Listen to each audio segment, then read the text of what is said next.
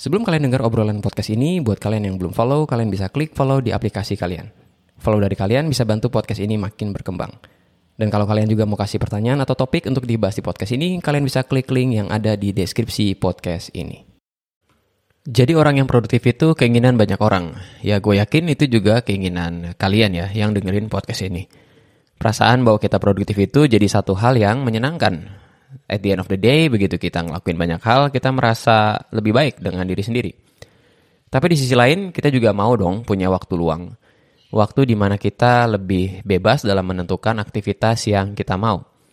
Tapi kadang juga setelah kita menghabiskan waktu luang yang kita punya, somehow ada rasa bersalah. Iya nggak? Jadi gimana dong solusinya? Kita pengen tetap produktif, tapi juga nggak mau uh, kehilangan waktu luang.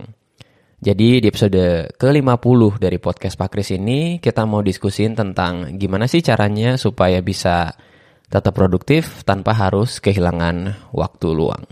Tapi sebelumnya seperti biasa kita dengar dulu intro yang berikut.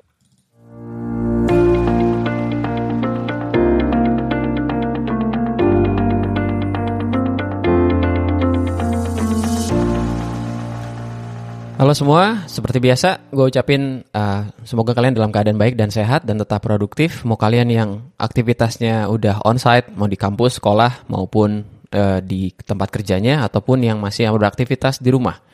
Tapi anyway kayaknya makin sini makin baik keadaan kita bisa beraktivitas dengan lebih leluasa ya di luar rumah ya atau di luar ruangan. Uh, kampus gue sendiri sudah mulai masuk uh, onsite udah mulai ramai lagi kampus, ya dampaknya lebih macet, tapi gue lebih happy ngelihat mahasiswa dan dosen kembali beraktivitas di kampus.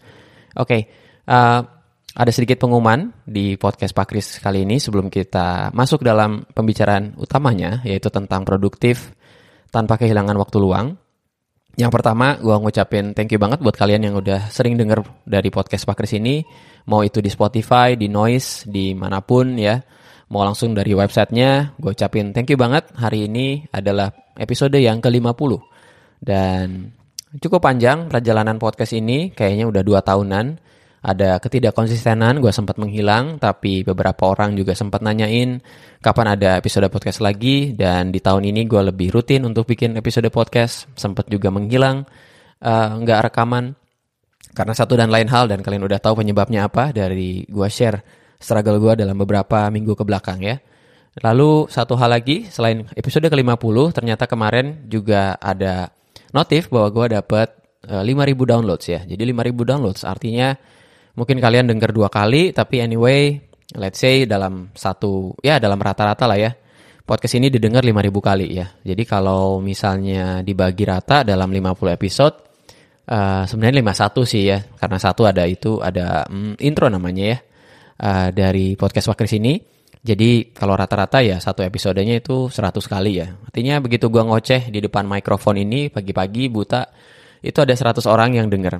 But anyway, uh, gua ngerasa happy juga. Gue kira nggak ada yang mau denger dari podcast ini karena podcast ini uh, ya ini sebagai saluran saluran apa ya bisa dibilang saluran atau media di mana gue bisa mengutarakan apa yang gue pikirin tentang topik-topik yang kayaknya perjalanan podcast ini juga cukup uh, panjang ya, mulai dari ya banyak lah podcast ini sampai akhirnya kita uh, eh, gue putuskan untuk podcast ini hanya ngomongin tentang produktivitas. Oke, okay? so thanks banget 50 episode dan 5000 downloads ya. Kemudian uh, ada satu lagi pengumuman bahwa episode podcast Pak Kris nggak akan hadir lagi di Kamis pagi ya, tapi di Sabtu pagi. Ya, alasannya kenapa? Karena gue dapat banyak masukan dari orang-orang, bukan masukan mungkin sedikit apresiasi ketika mereka dengar podcast gue, kemudian itu yang bikin mereka mikir dan rasanya mau ngubah juga kehidupan mereka supaya lebih produktif dan lebih punya uh, apa ya ya diri sendiri yang sehat lah ya. Mau itu mental health mau itu fisik mau maupun anything yang bikin mereka lebih produktif. Jadi beberapa di antara mereka dari listeners dari podcast Pak Kris ini bilang podcast lu bikin gue mikir kemudian podcast lu juga bikin gue jadi lebih produktif dan sebagainya dan alasan gue kenapa dipindahin ke Sabtu pagi karena kayaknya Sabtu orang mostly lagi pada libur, nggak ada kegiatan. Setidaknya ya, kecuali kalian kalau memang sibuk banget. Dan di Sabtu pagi itu kalau kalian denger podcast ini, kalian punya waktu untuk mikirin podcast ini. Kalian bisa ulangi podcast ini juga episodenya. Kemudian kalian bisa mengubah apa yang kalian lakukan ah, karena dapat inspirasi dari podcast ini. Ya, jadi itu alasannya kenapa nanti itu mulainya Sabtu pagi ya, nggak di Kamis pagi. Supaya kalian lebih punya banyak waktu, punya banyak space untuk bisa mikirin podcast ini dengan lebih dalam. Dan semoga ada satu tindakan uh, nyata ya yang kalian lakukan langsung di hari Seninnya ketika kalian mulai kerja.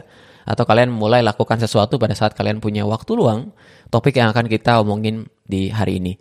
Jadi itu pengumumannya, thanks untuk 50 episode, thanks untuk 5000 downloads, kemudian episode podcast Pak Kris akan hadir di Sabtu pagi. Jadi pastikan setiap Sabtu pagi kalau kalian jogging, kalian lagi beresin rumah, kalian stay tune uh, di Spotify dan juga di Noise dan di mana pun kalian dengerin podcast ini ya. Uh, thank you banget dan semoga begitu pindah di hari Sabtu pagi kalian bisa punya lebih banyak waktu untuk kalau mau mengubah banyak hal dalam kehidupan kalian. Oke, okay? so mari kita mulai dengan segmen yang pertama yaitu tentang Chris struggle. Nah, gue punya struggle di beberapa minggu ini ya, uh, termasuk mungkin ada update juga dari minggu lalu ke minggu ini di episode 49 kemarin ke episode 50 ini. Gue punya satu struggle yang kayaknya gue baru nyadar. Yang pertama itu adalah uh, begitu gue melakukan time block dalam Eh, jadwal gue. Jadi gue kan udah pindah ya dari Notion menjadi tulisan tangan di iPad karena ada satu template yang keren banget dari Paperlike. Uh, eh, gue udah taruh aktivitas yang harus gue lakukan, gue udah taruh jamnya, gue udah siapin semuanya juga. Uh, cuman satu hal yang cukup bikin gue struggle akhir akhir-akhir ini adalah gue nggak tahu mau ngapain. Ya jadi kayaknya karena itu karena gue menaruh kegiatan itu cukup ambigu ya. Nah minggu lalu kan kita ngomongin tentang ambiguitas juga nih Nah itu terjadi pada saat gue taruh uh, nggak setiap saat, tapi itu yang terjadi pada saat gue taruh jadwalnya, misalnya nyiapin kuliah gitu kan, nyiapin kuliah, riset, atau belajar, atau baca gitu. Gue cuma taruh aktivitasnya ya, kayak misalnya nyiapin kuliah gitu. Dan ini kejadian kemarin malam juga ketika gue taruh time blocknya sekitar uh, eh, 2 jam untuk nyiapin kuliah, dan gue di situ stun ya, gue nggak tahu harus ngapain karena kuliah gue juga banyak minggu ini dan gue nggak tahu apa yang harus gue siapkan. Akhirnya hmm, jadi nggak fokus ya. Jadi itu struggle gue sekarang ketika gue taruh time block gue di kalender atau taruh time block gue di catatan uh, harian atau mingguan karena nggak cukup spesifik jadi nggak tahu mau ngapain ya. Ditaruhnya cukup umum, nyiapin kuliah, baca, riset itu yang akhirnya kayaknya gue harus mengubah lebih spesifik ya. Kalau gue nyiapin kuliah, apa yang disiapin? Kalau gue riset, bagian mana yang harus dibaca? Atau pada saat gue baca, juga gue harus siapin buku yang harus gue baca. I think that's very very important. Itu struggle gue. Gue nggak terlalu spesifik taruh jadwal di dalam, uh, taruh aktivitas di jadwal gue ya. Dan kalau kalian ngalamin juga, ada kemungkinan mungkin karena kitanya kurang spesifik apa yang mau kita kerjain. Oke, okay? itu yang nomor satu struggle-nya. Yang kedua, akhirnya guys, di tahun ini gue terlambat janjian karena gue lupa. Jadi minggu lalu itu ada kegiatan ospek ya, mungkin eh, ospek tahu ya, orientasi mahasiswa baru di kampus. Dan karena gue nggak dapat tanggung jawab yang terlalu besar, gue alokasikan untuk ketemu anak bimbingan yang pertama kali, mahasiswa bimbingan. Jadi datang ke kampus mereka uh, ada yang nggak bisa juga karena mungkin masih liburan. Tapi gue janjian kalau nggak salah jam 10 gue baru datang sekitar 10.40 ya, hampir ya hampir jam 11 tuh. Gue hampir terlambat sejam. Padahal gue memang ada di kampus ya. Bukan karena traffic bukan juga karena hambatan lain tapi karena gue kasihkan ngobrol dengan dosen-dosen lain ketika kami ngeliatin aktivitas dari orientasi mahasiswa baru. Itu cukup menarik dan akhirnya gue lupa sekali. Saking lupanya gue datang ke gedung di mana gue ada kemudian gue datang ke lab dan gue ngeliatin ada mahasiswa baru uh, ma mahasiswa baru tuh artinya mahasiswa yang yang baru saja datang ke kampus karena biasanya dia di rumah. Kemudian dia nungguin seseorang dan gue bingung ini siapa? Karena aku lupa uh, dia siapa. Lalu aku baru ingat bahwa ternyata aku punya janjian. Kemudian gue melakukan analisa kenapa gue bisa lupa. Ternyata satu gue kasihkan ngobrol. Yang kedua gue lupa untuk review jadwal harian Oke, okay, jadi hmm, kayaknya penting untuk review jadwal harian. Gue hanya bikin jadwal mingguan, jadwal hariannya gue tetap ditaruh di gue batching semua ya di hari Sabtu untuk hari ini ngapain, hari ini ngapain, jam segini ngapain. Tapi ketika datang harinya, gue lupa di hari itu kayaknya untuk review. Akhirnya gue lupa, ya. Dan hopefully itu hanya satu-satunya yang terlambat dan gue lupa di tahun ini, ya. Semoga nggak terulang. Dan itu terjadi karena gue lupa untuk uh, naruh jadwal ya, untuk review jadwal ya. Jadwalnya udah ada, cuma gue lupa untuk review. Dan gue orangnya ekstrovert, gue suka ngobrol dengan orang-orang, gue suka jalan-jalan ke kampus.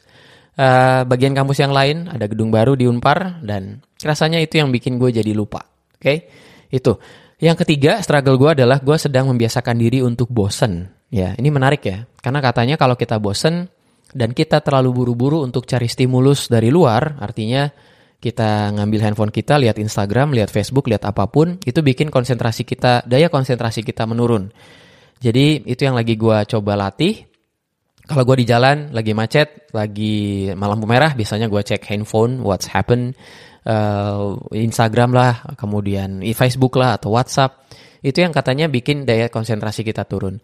Jadi buat teman-teman yang sering rasa bosan, sebenarnya bosan itu baik ya. Jadi katanya kalau bosan itu artinya ya memang kita ingin ada stimulus dari luar, tapi jangan terlalu dibiasakan dapat stimulus dari luar seperti sosial media, karena nantinya pada saat kita ngerjain sesuatu kan kita kita pasti bosen, ya nggak? Gue kalau udah mulai masuk di menit ke-20, menit 30 pada saat nyiapin kuliah mulai bosen. Dan mulai tergoda untuk ngeliat handphone ya. Jadi katanya kalau teman-teman bosen itu baik. Jadi pada saat bosan ya sudah bosan aja. Itu artinya pikiran kita memang nggak ada lagi nggak ada aktivitas. Nah kalau kita terlalu buru-buru dapetin stimulus dari luar, nanti otak kita itu jadi terbiasa untuk dapetin stimulus. Pada saat kita berusaha untuk konsentrasi, kita jadi nggak bisa konsentrasi terlalu lama karena ya otak kita tuh jadi bosen. Padahal memang harus tahan untuk bosen. Jadi cukup menarik, gue lagi belajar untuk membiasakan diri untuk bosen dan tanpa untuk mendapatkan stimulus dari luar. Oke, okay? so that's my struggle. Nah sekarang kita langsung masuk dalam uh, bahasan kita yaitu tentang produktif sambil tetap punya juga waktu luang ya. Nah apa sih isunya? Isunya adalah uh, begitu gue lihat definisi dari produktif ada baik itu dalam bahasa Indonesia dalam bahasa Inggris. Dalam bahasa Indonesia misalnya ya uh, produktif itu dalam menurut kamus besar bahasa Indonesia itu bersifat atau mampu menghasilkan dalam jumlah besar mendatangkan, memberi hasil, manfaat dan sebagainya dan juga menguntungkan. Itu definisi produktif menurut KBBI. Definisi produktivitas menurut KBBI adalah kemampuan untuk menghasilkan sesuatu, daya produksi atau keproduktifan ya. Artinya kalau kita ngasilin sesuatu, itu kita dicap sebagai orang yang produktif dan mungkin itu juga definisi kita selama ini ya. Nah, kita juga kadang berpikir produktif itu adalah melakukan banyak hal dalam waktu singkat. Misalnya dalam dua jam kita bisa melakukan banyak hal, kemudian kita say to ourselves that we are productive ya punya satu hari tapi kerjaan yang kita beresin itu hampir 40-an, 50-an to-do list. Kita selesai ngerjain, kita bilang diri kita produktif. Tapi apakah memang benar demikian? Karena masalahnya begini, ini yang gue temuin dalam beberapa uh, bulan bahkan tahun kebelakangan gitu ya. Pertanyaannya, apakah waktu luang itu produktif gitu? Karena kalau kita lihat dari definisinya, produktif itu artinya kita menghasilkan sesuatu. Lantas waktu kalau kita lagi waktu luang, lagi free time, apa yang dihasilkan? Yang nggak ada gitu ya. Kita hanya menghasilkan bukan dalam bentuk konkret tapi kita merasa happy, kita merasa relax, kita juga merasa melepaskan diri dari kesibukan dan juga kelelahan. Itu kan yang kita dapetin gitu loh. Kita nggak menghasilkan sesuatu dalam artian yang sempit ya, tapi teman-teman juga bisa eh kalian juga bisa memperluas menghasilkan apa ya menghasilkan uh, joyfulness misalnya menghasilkan kebahagiaan pada saat punya waktu produktif ya jadi uh, rasanya produktif ini betul-betul personal loh karena itu kenapa Podcast Pak Kris ini lebih banyak ngomongin tentang personal productivity. Karena rasanya definisi produktif itu beda-beda buat tiap orang, ya. Tapi secara umum, produktif itu artinya menghasilkan sesuatu. Baik dalam waktu singkat, dalam waktu panjang, pokoknya we produce something, ya. Tapi ada dua hal, ada satu hal mungkin ya yang gue kira waktu luang itu bisa loh kita anggap sebagai hal yang produktif. Karena dalam long term atau jangka panjang, waktu luang itu penting.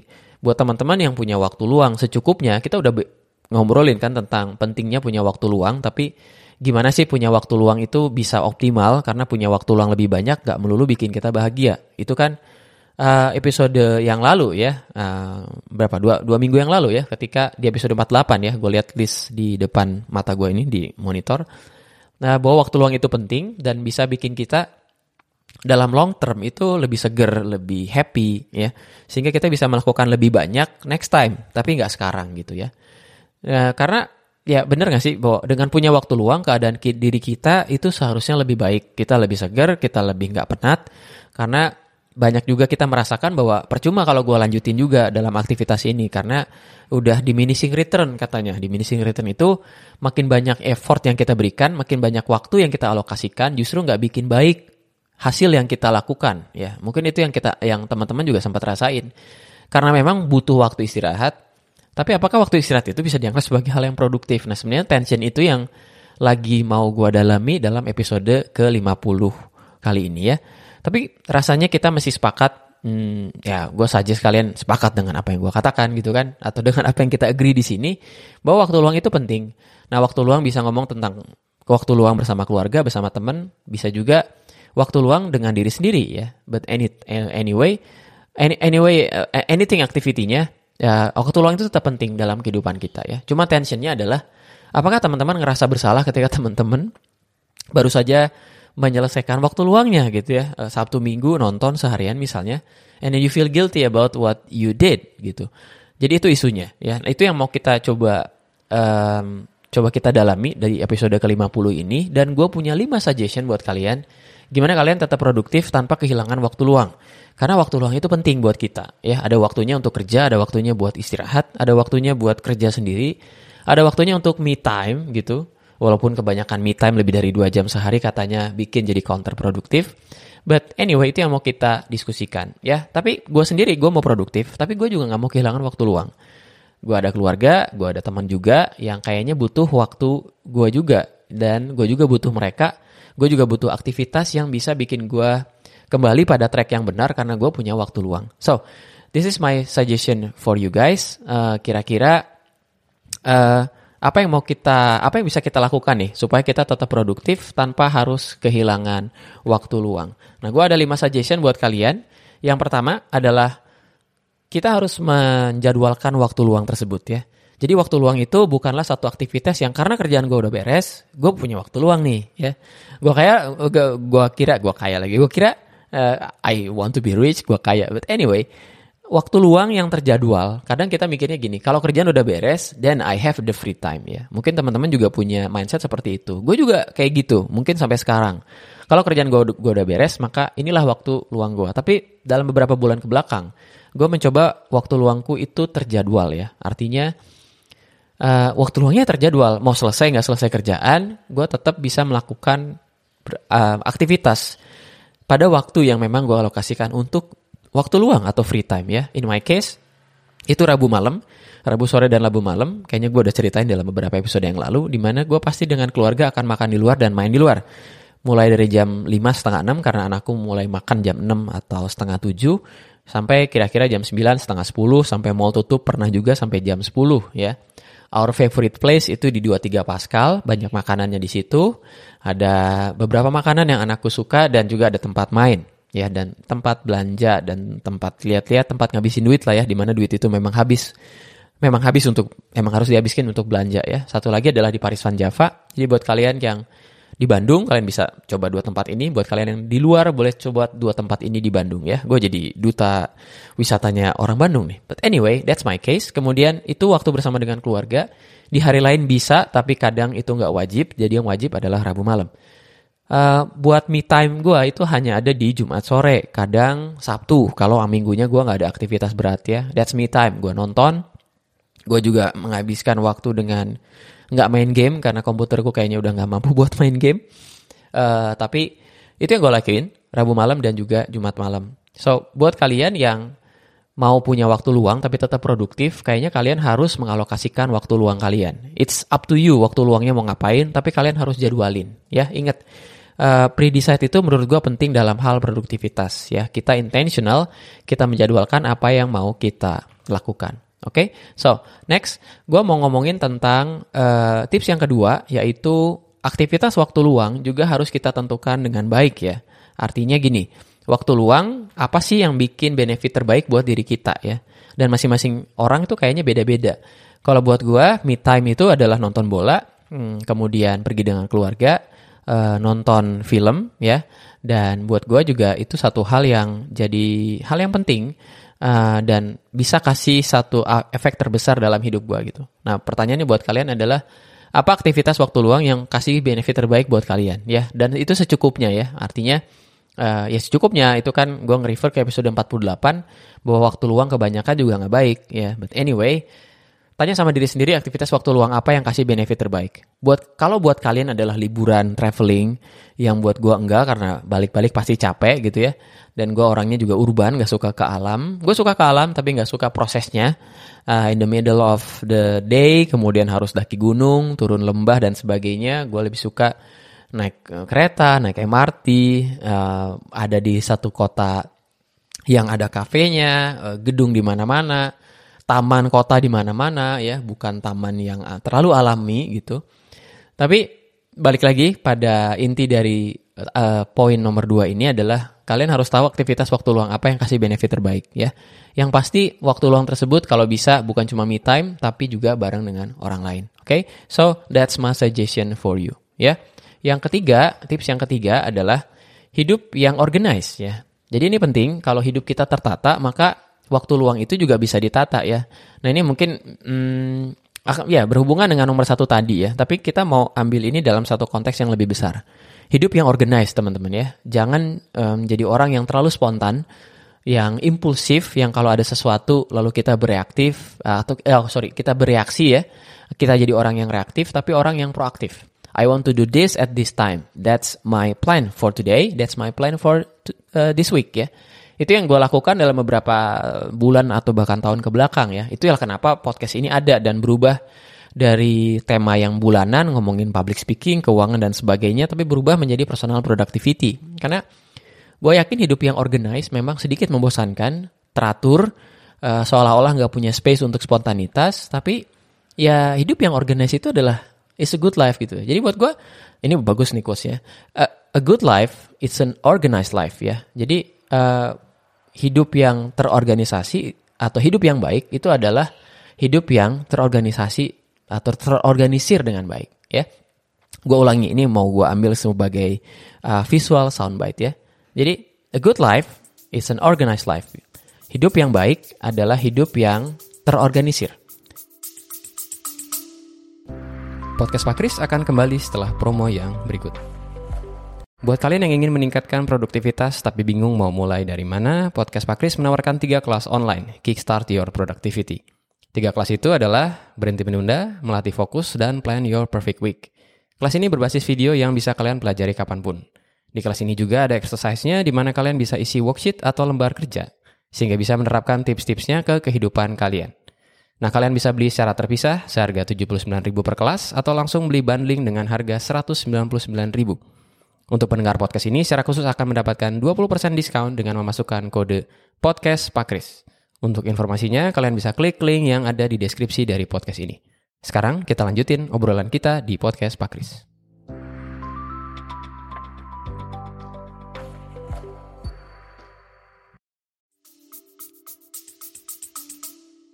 Jadi itu satu hal yang buat gue um, penting dan itu yang menjadi tema dari podcast Pakris ini kalau kita punya hidup yang organized, maka jadwal kita atau ya kehidupan kita juga bisa lebih baik ya. Kita ada waktu buat waktu luang, ada aktivitas untuk uh, ada waktu untuk aktivitas uh, free time ya. Kemudian juga kita ada waktu untuk kerja, ada waktu buat organize semuanya ya. Nah, salah satu tips yang bisa bikin hidup kita lebih organize adalah punya jadwal mingguan. Di hari Sabtu coba bikin jadwal mingguan mulai dari hari Minggu besoknya sampai ke hari Sabtu minggu depannya. Ya itu terserah kalian mau kalian bikin waktu kalian jadwal ini kapan ya. But in my case itu hari Sabtu ya. Nah itulah kalau kalian sama dengan uh, bisa dibilang mungkin cut off harinya ya. Itulah kenapa ya podcast podcast ini sekarang hadirnya di hari Sabtu. So kalau kalian bikin jadwal mingguan kalian di hari Sabtu atau di hari Minggu bisa dengerin podcast Pak Kris ini dan kalian bisa aplikasiin apa yang ada di podcast Pak Kris ini. Oke. Okay? So itu tips yang ketiga hidup yang organized. Yang keempat ini penting juga. Uh, gue juga lagi coba dalam beberapa minggu ini dan kasih benefit yang sangat-sangat besar ya, yaitu quick capture ya. Artinya uh, kita punya satu catatan ya, punya satu catatan penting dalam dalam dalam diri kita. Catatan itu mau bentuknya elektronik, mau bentuknya tertulis, tapi tujuannya adalah untuk uh, nulis ide, kemudian nulis list atau nulis apa pun ya yang ada di pikiran kita ya.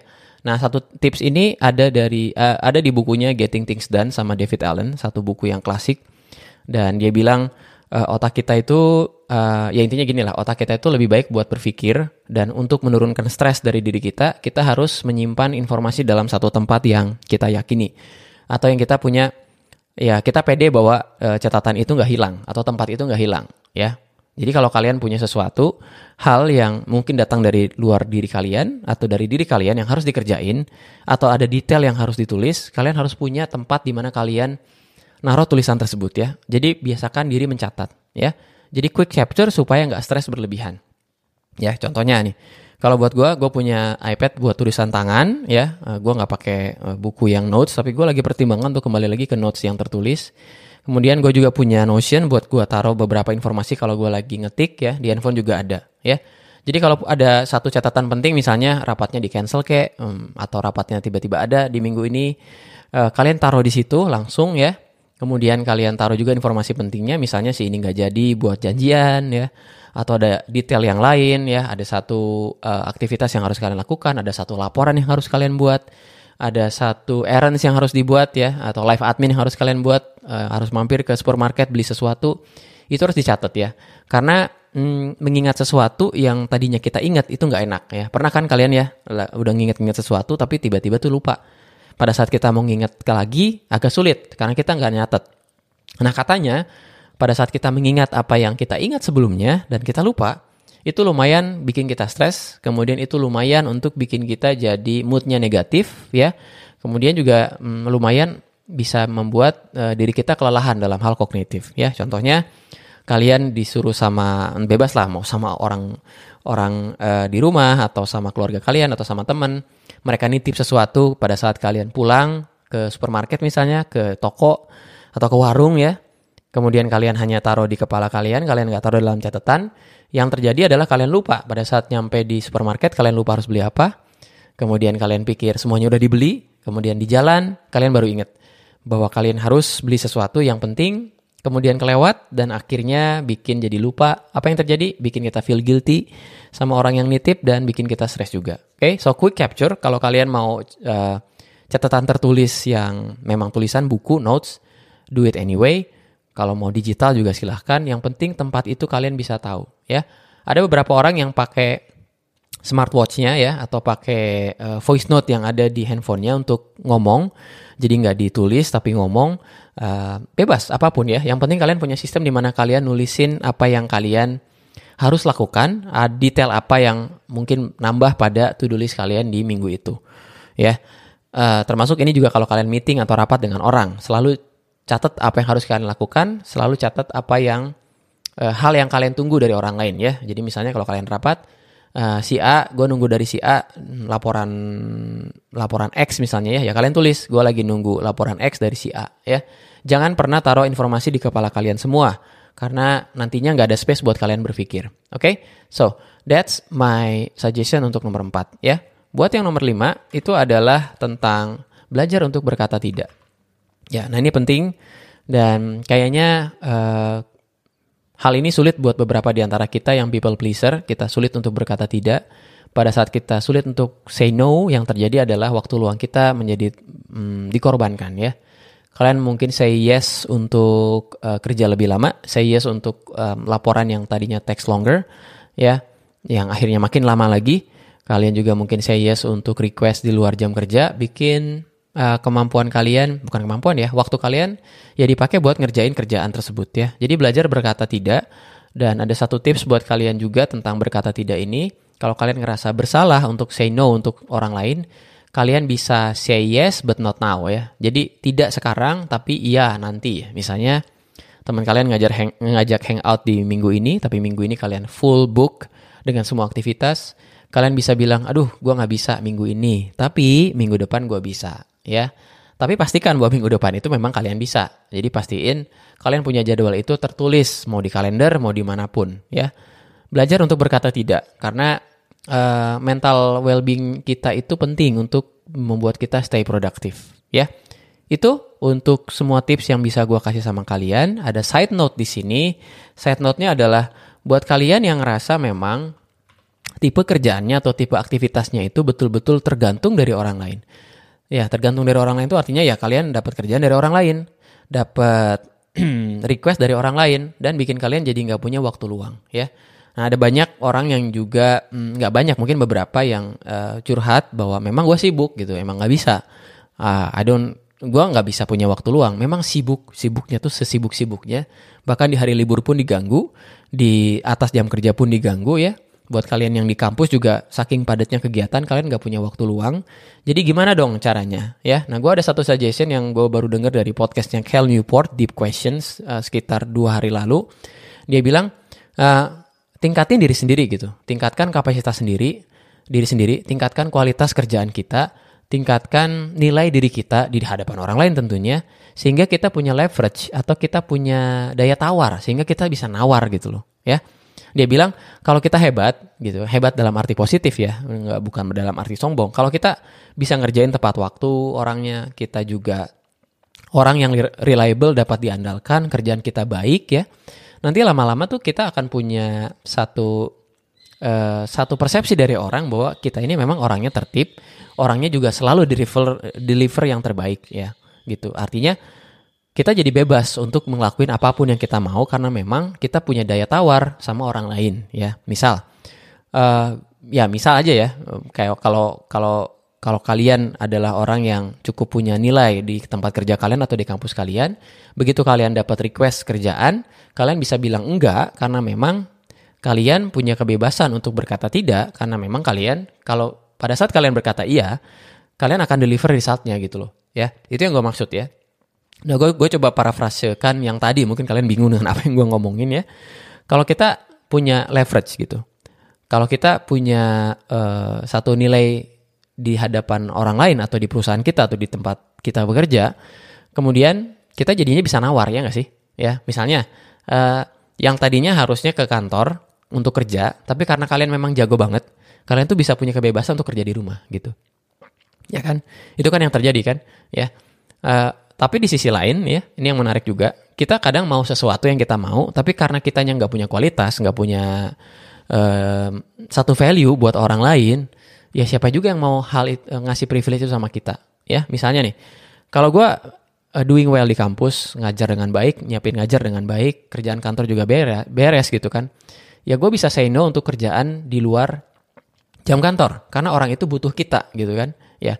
Nah, mungkin buat kalian yang struggle dengan waktu luang, kalian tingkatin kapasitas kalian, ikut training, atau kalian belajar sendiri otodidak, sehingga kalian punya daya tawar gitu ya. Bisa nggak gue kerjain ini minggu depan? Karena ini lagi penuh misalnya. Uh, bisa nggak gue kerjain nggak di malam ini karena ini free time gue lagi nonton atau sama keluarga ya. So itu side note-nya buat kalian yang kalau misalnya belum bisa punya kebebasan dalam kerjaan kalian atau aktivitas kalian karena tergantung sama orang lain dan Mungkin kalian belum punya daya tawar yang bikin kalian bisa bebas dalam menentukan apa yang kalian mau dengan waktu kalian. Oke? Okay? So, gue ada pengumuman penting juga di akhir ini. Di akhir podcast ini, uh, begitu gue coba tulis kotretan buat episode podcast ini, gue kira ini topik yang penting. Tetap produktif tanpa kehilangan waktu luang. Saking pentingnya, kata-kata yang tadi itu akan jadi tagline podcast Pak Kris ke depannya. Ya, so mulai episode 51 tagline-nya adalah gimana tetap produktif untuk atau gimana tetap produktif tanpa kehilangan waktu luang. Oke. Okay?